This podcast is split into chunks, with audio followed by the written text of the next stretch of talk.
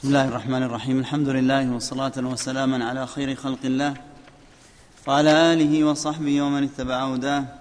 أما بعد ففي هذا اليوم الحادي والعشرين من شهر محرم لعام خمسة وثلاثين وأربعمائة وألف ينعقد هذا المجلس في شرح كتاب الإيمان من صحيح الإمام البخاري رحمه الله تعالى لمعالي شيخنا الشيخ الدكتور يوسف بن محمد الغفيص. عضو هيئة كبار العلماء وعضو اللجنة الدائمة للإفتاء سابقا في جامع عثمان بن عفان رضي الله عنه بحي الوادي بالرياض. قال رحمه الله تعالى باب خوف المؤمن من أن يحبط عمله وهو لا يشعر وقال إبراهيم التمي ما عرضت قولي على عملي إلا خشيت أن أكون مكذبا وقال ابن أبي مليكة أدركت ثلاثين من أصحاب النبي صلى الله عليه وسلم صلى الله عليه وسلم كلهم يخاف النفاق على نفسه. ما منهم من أحد يقول إنه على إيمان جبريل وميكائيل. ويذكر عن الحسن ما خافه إلا مؤمن ولا أمنه إلا منافق. وما يحذر وما يحذر وما يحذر من الإصرار على التقاتل والعصيان من غير توبة لقول الله عز وجل ولم يصروا على ما فعلوا وهم يعلمون. حدثنا محمد بن عرعرة قال أخبرنا شعبة عن زبيد قال سألت أبا وائل عن المرجئة فقال فقال حدثني عبد الله أن النبي صلى الله عليه وسلم قال سباب المسلم فسوق وقتاله كفر. الحمد لله رب العالمين وصلى الله وسلم على عبده ورسوله نبينا محمد وآله وصحبه. قال الإمام البخاري رحمه الله تعالى باب خوف المؤمن من أن يحبط عمله وهو لا يشعر. وهذا الذي بوب عليه الإمام البخاري فيه مسألتان. المسألة الأولى أن هذا من الخوف المشروع.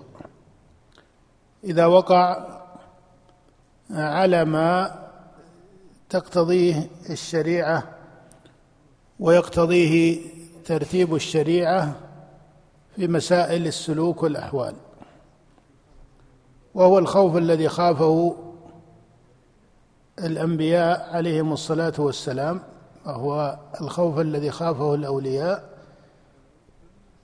والصالحون. وذكر البخاري في هذا بعض الآثار الواردة عن طائفة من السلف منهم إبراهيم التيمي. قال وقال إبراهيم التيمي ما عرضت قولي على عملي إلا خشيت أن أكون مكذبا. هذا الذي ذكره إبراهيم التيمي يكون عارضا يكون عارضا.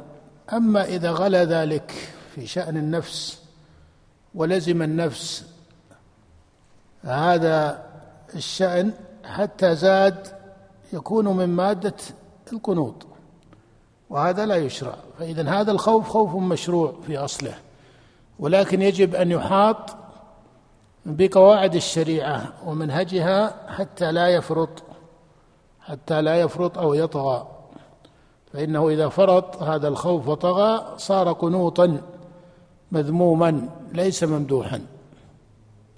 وإنما هو تنبيه على أنهم يخافون على أنفسهم ويخشون ربهم وقلوبهم وجلة كما في كتاب الله.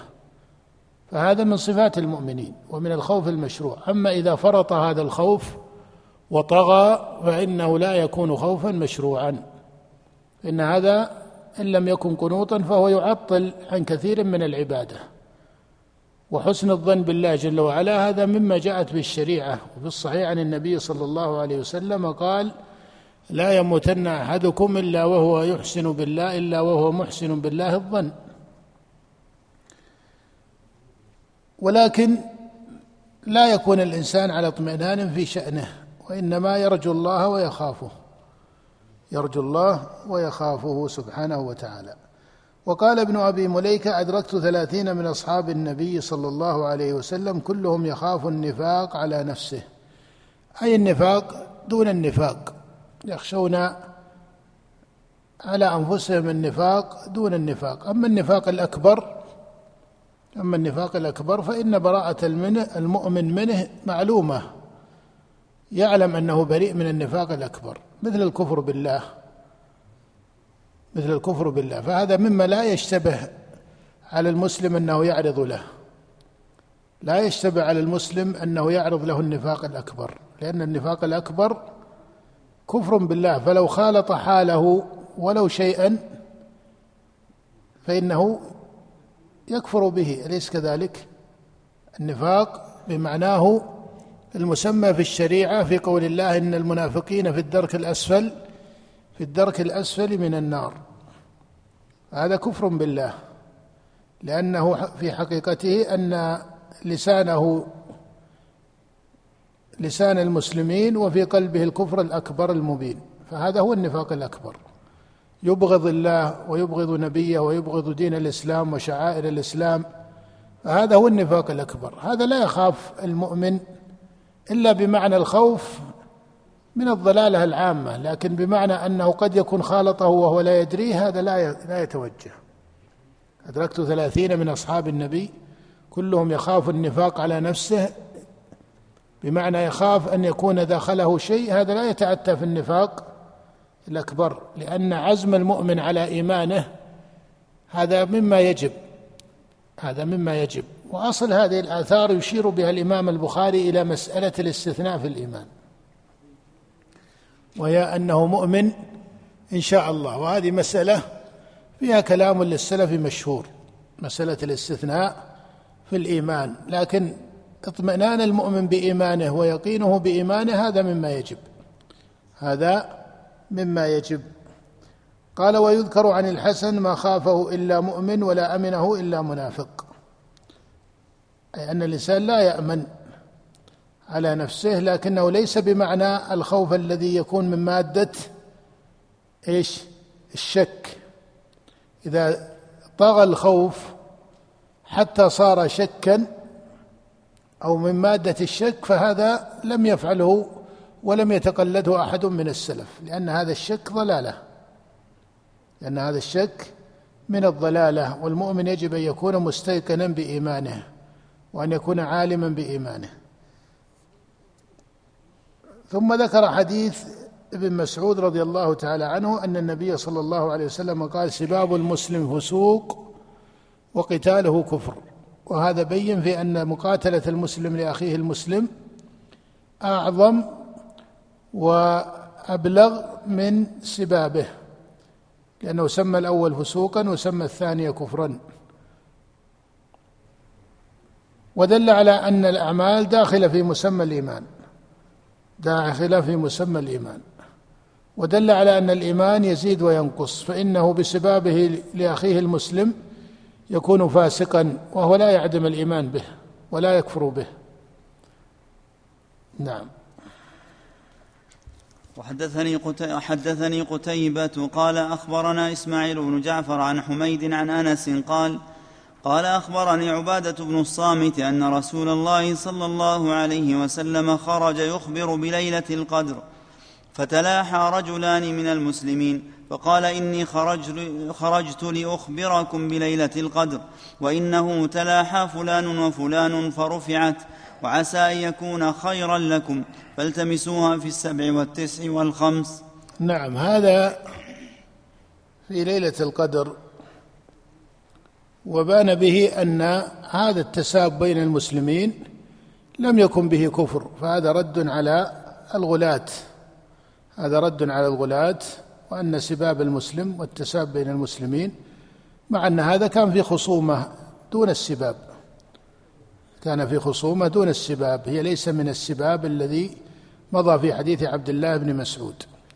ولهذا جاء في حديث أبي سعيد الخدري رضي الله تعالى عنه في الصحيح أيضا في ذكر ليلة القدر في ذكر هذه الواقعة وإني خرجت أريت ليلة القدر وإني خرجت لأخبركم بها فجاء رجلان يحتقان معهما الشيطان فأنسيتها.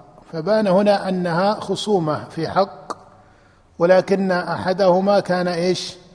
طاغيا في خصومته ولهذا قال معهما الشيطان بخلاف لو كانا متخاصمين بعدل ما قال النبي صلى الله عليه وسلم معهما الشيطان. قال فجاء رجلان يحتقان أي يطلب أحدهما إيش؟ الحق فهي خصومة في حق يعني لم تنشأ خصومة بالسباب إنما هي خصومة في حق بينهما. لكن بين من الرواية أن أحدهما طغى أو في هذه الخصومة طغيان. لقوله فجاء رجلان يحتقان معهما معهما الشيطان فأنسيتها. نعم. وقوله وعسى أن يكون خيرا لكم هذا على قولين. منهم من يقول إن ليلة القدر كانت عينت للنبي صلى الله عليه وسلم فبذلك رفعت بهذه الخصومة رفعت. فقال عليه الصلاة والسلام وعسى أن يكون أي رفع تعيينها خيرا لكم حتى تجتهدوا في العبادة. والقول الثاني أن ذلك في تلك الليلة خاصة وأن ليلة القدر من الأصل لم تعين وهذا هو الأظهر. هذا هو الأظهر. نعم. باب سؤال جبريل عليه السلام النبي صلى الله عليه وسلم في الحديث حديث أبي سعيد قال وإني خرجت لأخبركم بها فجاء رجلان يحتقان معهما الشيطان فأنسيتها. نعم. باب سؤال جبريل عليه السلام النبي صلى الله عليه وسلم عن الإيمان والإسلام والإحسان وعلم الساعة وبيان النبي صلى الله عليه وسلم له ثم قال جاء جبريل يعلمكم دين دينكم.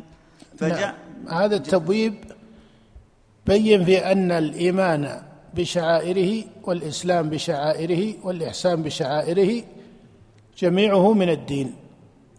ولهذا قال النبي صلى الله عليه وسلم هذا جبريل جاء ليعلمكم دينكم. وفي رواية جاء ليعلم الناس دينهم. وميز النبي صلى الله عليه وسلم في جوابه جبريل الإيمان بتلك الأصول والإسلام بهذه المباني والإحسان بما بينه به. هذا من باب التنوع في دلالات الأسماء. وإلا فإن اسم الإيمان يتضمن ما هو الإسلام. ما هو الإسلام في حديث جبريل. كما أن اسم الإسلام يتضمن كذلك ما هو الإيمان. ولهذا سمى الله جل وعلا إبراهيم بإيمانه مسلما. فقال ما كان إبراهيم يهوديا ولا نصرانيا ولكن كان حنيفا مسلما. فالإيمان إسلام لله واستسلام له.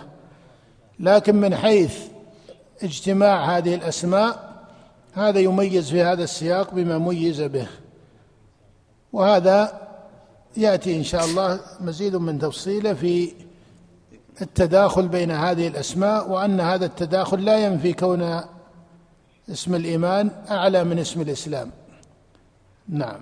ولهذا يسمى المنافق مؤمنا أو لا يسمى لا يسمى المنافق مؤمنا لأن الإيمان مادته في القلب ولا بد.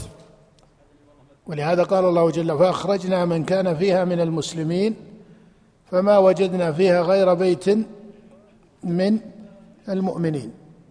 وهذا مما استدل به بعض أهل العلم الذين يقولون إن مسمى الإيمان والإسلام واحد. والتحقيق أنه يدل على خلاف ذلك.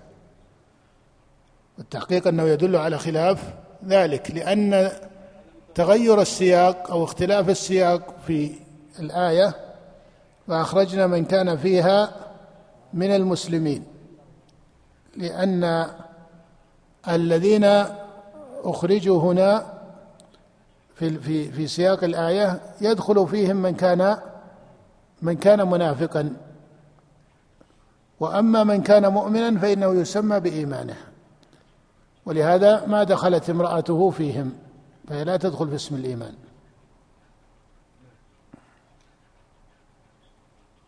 نعم. ثم قال جاء جبريل يعلمكم دينكم فجعل ذلك كله دينا وما بين النبي صلى الله عليه وسلم لوفد نعم الآية في التذكير الآية فأخرجنا من كان فيها من المؤمنين هؤلاء الذين أنجاهم الله. هؤلاء الذين أنجاهم الله. فما وجدنا فيها غير بيت من المسلمين لأن امرأته فيهم. وكانت تظهر الإسلام وكانت تظهر الإسلام.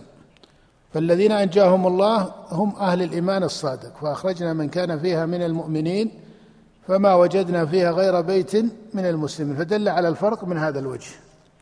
فلما ذكر الذين أنجوا بإيمانهم سماهم مؤمنين ولما ذكر أهل البيت بجملتهم سماهم مسلمين. نعم. وما بين النبي صلى الله عليه وسلم لوفد عبد القيس من الإيمان؟ وقوله ومن يبتغي غير الإسلام دينا فلن يقبل وما منه. بين النبي صلى الله عليه وسلم لوفد عبد القيس من الإيمان. حديث عبد القيس متفق عليه من حديث ابن عباس. أن عبد القيس أتوا رسول الله صلى الله عليه وسلم فقالوا يا رسول الله إن حي من ربيعة وبيننا وبينك كفار مضر.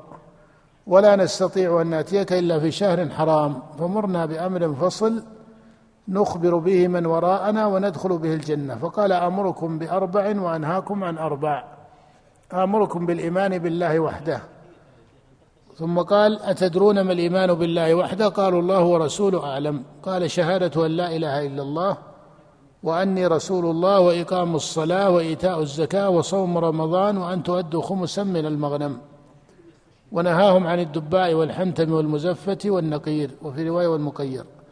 حديث عبد القيس هذا من أخص الأحاديث عند أئمة السنة في تفصيل وتحقيق فهم مسألة الإيمان. وهو كما قلت حديث متفق على صحته عند أهل الحديث وجاء في الصحيحين من رواية ابن عباس وأخرجه مسلم من رواية أبي سعيد أيضا. إنما المقصود فيه أن النبي بين الإيمان في حديث عبد القيس بما بين به الإسلام في حديث ابن عمر. المتفق عليه أيضا بني الإسلام على خمس. وكذلك ما جاء في حديث جبريل.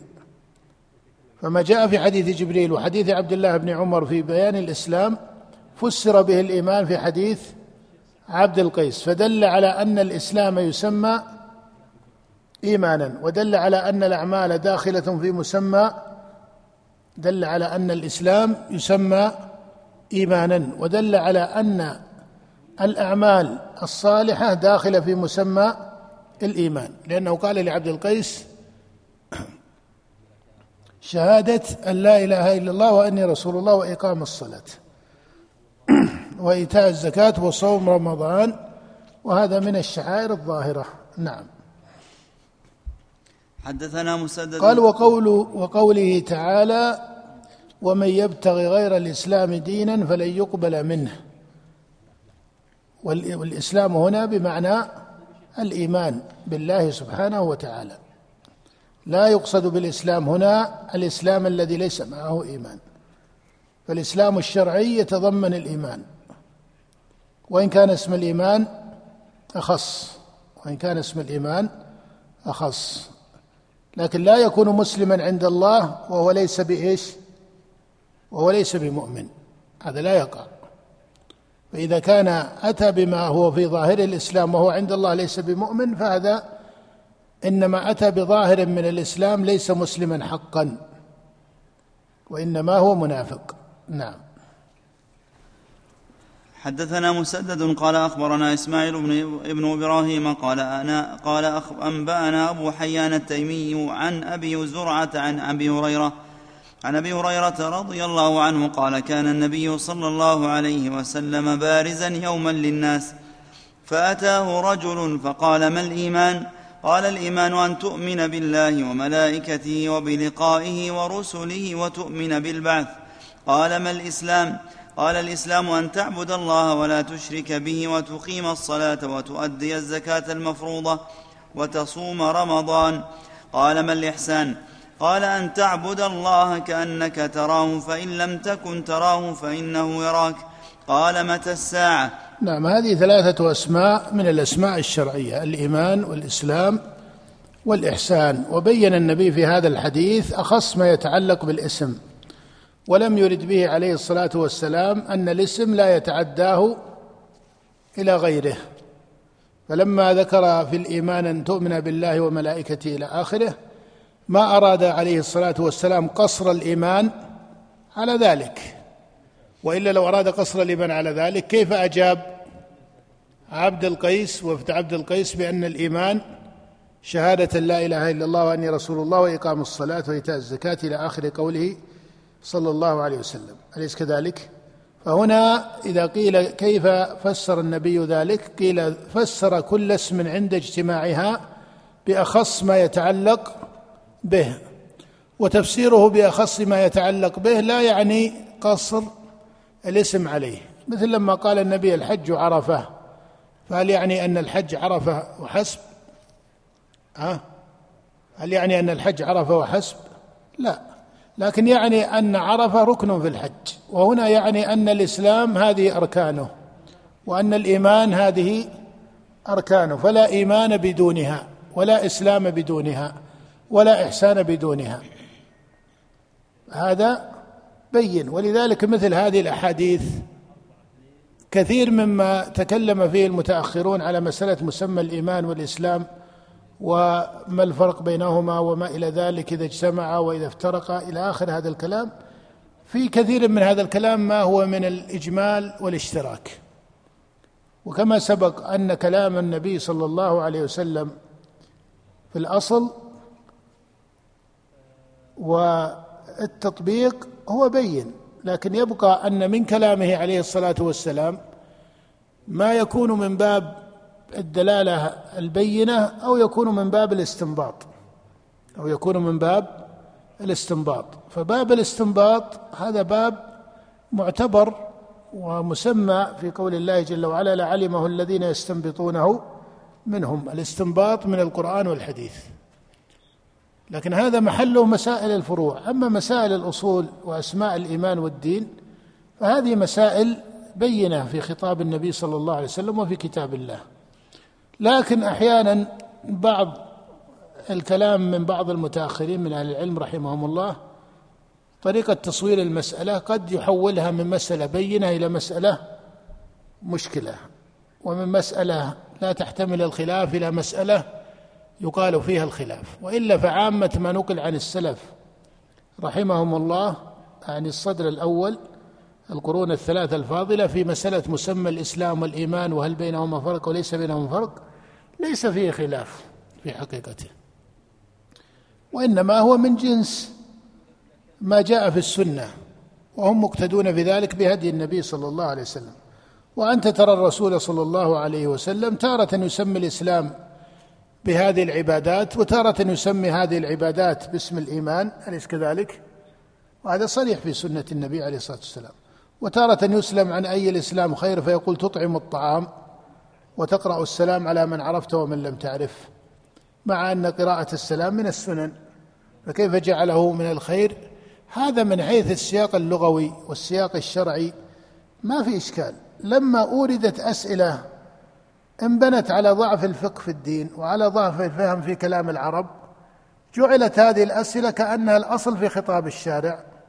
ومن هنا تحول هذا الخطاب من خطاب الشارع بدل كونه بينا إلى كونه ماذا؟ مشكلا. فسموه من مشكل الآثار. سموه من مشكل الآثار وهذا خطأ.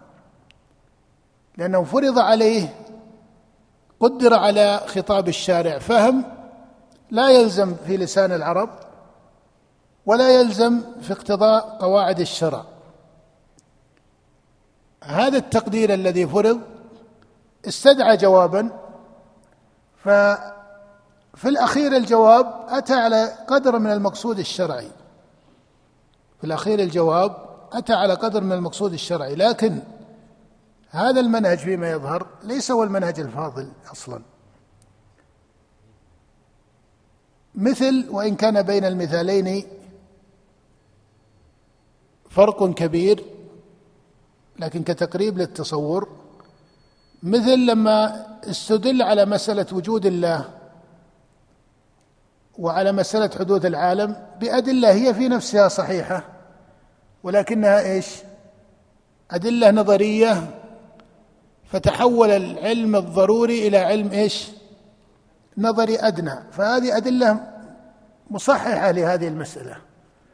هذه الأدلة لكن أنت ترى أن قدر المسألة أبلغ إيش؟ أبلغ من ذلك.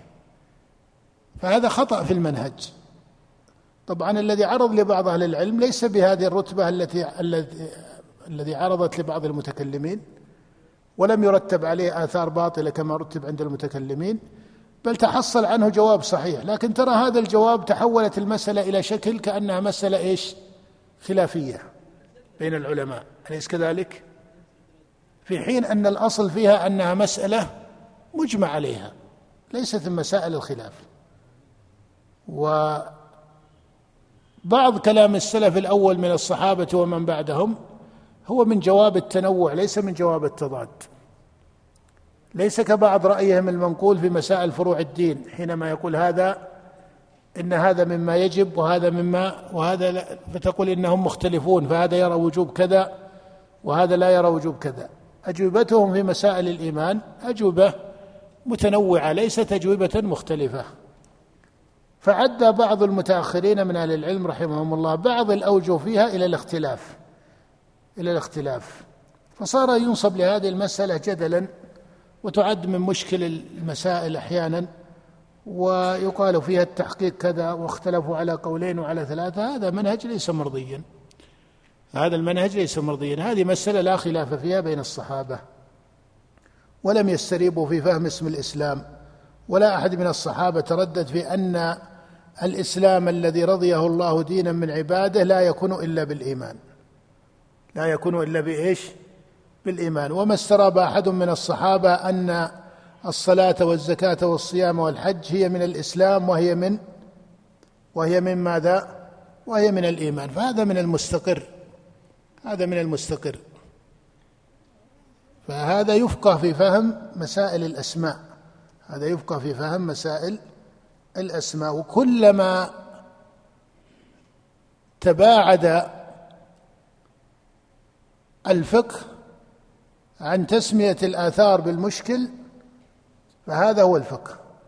واستدعاء الإشكال على الآثار النبوية ليس في الأصل منهجا مقصودا بل هذا منهج طرأ وإلا الأصل أن كلام الشارع بين والدليل على كونه بينا أن هذا هو الأصل في الرسالة. أليس كذلك؟ هذا الذي يقتضيه قواعد الشريعة في حقيقة النبوات والرسالات التي من عند الله. وهذا أوجه الاستدلال عليه كثيرة. لا يمكن في مثل هذا المقام الإشارة إلى قدر منها فضلا إلى استقرائها لسعتها وتواترها. أن الشريعة بينة في والشريعة هي كتاب الله وهدي نبيه عليه الصلاة والسلام. وأيضا من حيث الوقوع من حيث الوقوع. برهان ذلك من حيث أن هذا هو حقيقة النبوة والرسالة. هذا واحد. وتحت هذا البرهان المجمل أو هذا البرهان الكلي تحته أنواع وتحت الأنواع إيش؟ أفراد. البرهان الكلي الثاني ما هو؟ برهان إيش؟ نسميه برهان ماذا؟ برهان الوقوع. كيف برهان الوقوع؟ أنك إذا استقرأت كلام النبي صلى الله عليه وسلم وما حدث به الصحابة رضي الله تعالى عنهم وهو يحدث وفي مجلسه حديث العهد والاعرابي أليس كذلك؟ بل وفي مجلسه المنافق الذي يريد أن يثير شيئا في بعض الحال ومع ذلك لا ترى أنه كلما حدث النبي بحديث قام رجل وسأل عن فهم هذا الحديث بل الأسئلة التي وردت على الأحاديث أي في فهم الأحاديث إذا نظرنا إليها مع جملة السنة الأحاديث التي اقترنت عندما سمعها الصحابة بسؤال رجل في المجلس تعد إيش؟ قليلة ولا كثيرة؟ قليلة جدا. قليلة جدا. ثم إذا نظرت في ما وقع من الأسئلة التي قد لا تكون عشرة بالمئة من جملة الرواية. قليلة التي يقترن بها سؤال رجل. فقام رجل فقال كذا يا رسول. الأسئلة التي ورد فيها سؤال ما الذي تلاحظه هنا؟ لا تلاحظ أن أن جمهور هذه الأسئلة مع قلتها هي منبنية على تقدير منبنية على تقدير المشكل من ناحية. بل استطراد في ترتيب دلالة. مثل لما قال أيها الناس كما في الصحيح قد فرض عليكم الحج فحجوا فقام رجل فقال أكل عام يا رسول الله؟ هل هذا مستشكل للكلام وإلا مستزيد في المعرفة؟ مستزيد. هذا لم يتف... فاذا الأسئلة مع قلتها من حيث الوقوع لم يترتب أكثرها على مسألة إيش؟ الإشكال. الذي ورد على الإشكال قدر يسير من هذا المجموع القليل. قدر يسير من هذا المجموع القليل. ومن الذي قام به؟ قام به رجل مبهم. ولهذا ما يسمى أعيان الصحابة هم الذين يسألون. ما يقال فقام أبو بكر فقام عمر فقام علي فقام عثمان فقام معاذ. هل تسمعون هذا في الرواية؟ لا. عرض مثل حديث لما ذكر النبي صلى الله عليه وسلم مسألة القدر. ما منكم من أحد إلا كتب مقعده. من الجنة أو النار وإن الرجل لا يعمل بعمل أهل الجنة حتى ما يكون بينه وبينها إلا ذراع كما في الصحيحين وغيرهم من حديث سهل ابن سعد وأبي هريرة وغيرهما. قام رجل وقال يا رسول الله ففيما العمل؟ هذا الذي قام كم؟ قام رجل واحد أليس كذلك؟ فهذا يعرض لأن هذا فهمه عرض له لا, لا أن الحديث بذاته مشكل. لو كان الحديث بذاته مشكلا أو الرواية ظاهرها الإشكال لما قام رجل واحد فقط. لا استشكل كثير من الصحابة. فهذا إذا عرض من شخص دل على إيش؟ نقص في مدرك الفهم. وهذا يتفاضل فيه أهل العلم. وما قام نفاقا وإنما قام فهما وعلما والعلم يتفاوت الناس فيه. فإذا من حيث الوقوع هذا برهان بين. أن كلام الرسول عليه الصلاة والسلام ما في مشكل. فتوطين المشكل وتطبيع المشكل في الآثار هذا لا حاجة له. والقاعدة هنا أن من بلغ فهمه الإشكال يدل على خطأ في فهمه. نعم. قال متى الساعة؟ قال ما المسؤول عنها بأعلم من السائل وسأخبرك عن أشراطها. إذا ولدت الأمة ربها وإذا تطاول رعاة الإبل البهم في البنيان في خمس إذا نقول في حديث تفسير النبي لهذه الأسماء الثلاثة إنه فسر كل اسم بأخص ما يتعلق به وهذا التفسير بأخص ما يتعلق به لا يدل على القصر لا يدل على القصر. ثم سألوا عن الساعة فقال ما المسؤول عنها بأعلم من السائل وسأخبرك عن أشراطها. فذكر هنا النبي صلى الله عليه وسلم أشراط الساعة الكبرى. أشراط الساعة الكبرى نعم. قال وسأخبرك عن أشراطها إذا ولدت الأمة ربها وإذا تطاول رعاة الإبل البهم في البنيان في خمس لا يعلمهن إلا الله. ثم تلا النبي صلى الله عليه وسلم إن الله عنده علم الساعة. ثم أدبر فقال ردوه. نعم هذا من أشراط الساعة. والعلماء يقولون الأشراط الصغرى والأشراط الكبرى وهذا من المعاني الإضافية. هذا من المعاني الإضافية. إنما إذا سميت أشراط الساعة فكلها كبرى في حقيقتها. كلها. أما إذا قصد بالكبرى ما يكون بين يديها قريبا فهذه هي الآيات التي سماها النبي صلى الله عليه وسلم. كنزول عيسى بن مريم وخروج يأجوج ومأجوج والدابة فهذه الآيات التي بين يدي الساعة. هذه الآيات التي بين يدي الساعة. أما ما قبل ذلك فهذا ليس من ما يكون عند بين يدي الساعة. ولكن كما تعلم أن النبي صلى الله عليه وسلم لما ذكر مبعثه قال كما في الصحيح بعثت أنا والساعة كهاتين. فدل على قرب أمر الساعة وقال كما روى الترمذي وغيره بعثت أنا والساعة نستبق. بعثت أنا والساعة مفعول معه مفعول معه. بعثت أنا والساعة نستبق. كادت ان تسبقني فسبقتها. ومن هنا قال كثير من أهل العلم إن آيات الساعة وأشراط الساعة تسمى كبرى مطلقا. تسمى كبرى. أما بعضهم قال الصغرى والكبرى وقصروا الكبرى على إيش؟ قصروا الكبرى على ماذا؟ على الآيات التي بين يديها. فهذا بحسب الاصطلاح. هذا بحسب الاصطلاح. لكنها تسمى اشراطا كما في كتاب الله فقد جاء أشراطها وتسمى آيات كما في قول النبي صلى الله عليه وسلم حتى تروا عشر آيات فهذه الآيات العشر هي البراهين الكبرى أو الآيات الكبرى بين يدي الساعة. نعم. فقال ردوه فلم يروا شيئا فقال هذا جبريل جاء يعلم الناس دينهم. قال أبو عبد الله جعل ذلك كله من الإيمان. شف من فقه الإمام البخاري قال جعل ذلك كله من الإيمان. لأنه يرى عن الإمام البخاري أن اسم الدين كما سبق واسم الإيمان يأتي الدين على معنى الإيمان. فلما قال النبي جاء يعلم الناس دينهم جعله البخاري مثل ما لو قال النبي جاء ليعلم الناس إيش؟ إيمانهم. وهو استدل قبل ذلك بقوله ومن يبتغي غير الإسلام دينا. فهذا يسمى دينا ويسمى إيمانا ويسمى إسلاما. لكن اسم الإيمان أخص. في كتاب الله اسم الإيمان أخص كما هو بين. نقف على هذا وبالله التوفيق وصلى الله وسلم على نبينا محمد.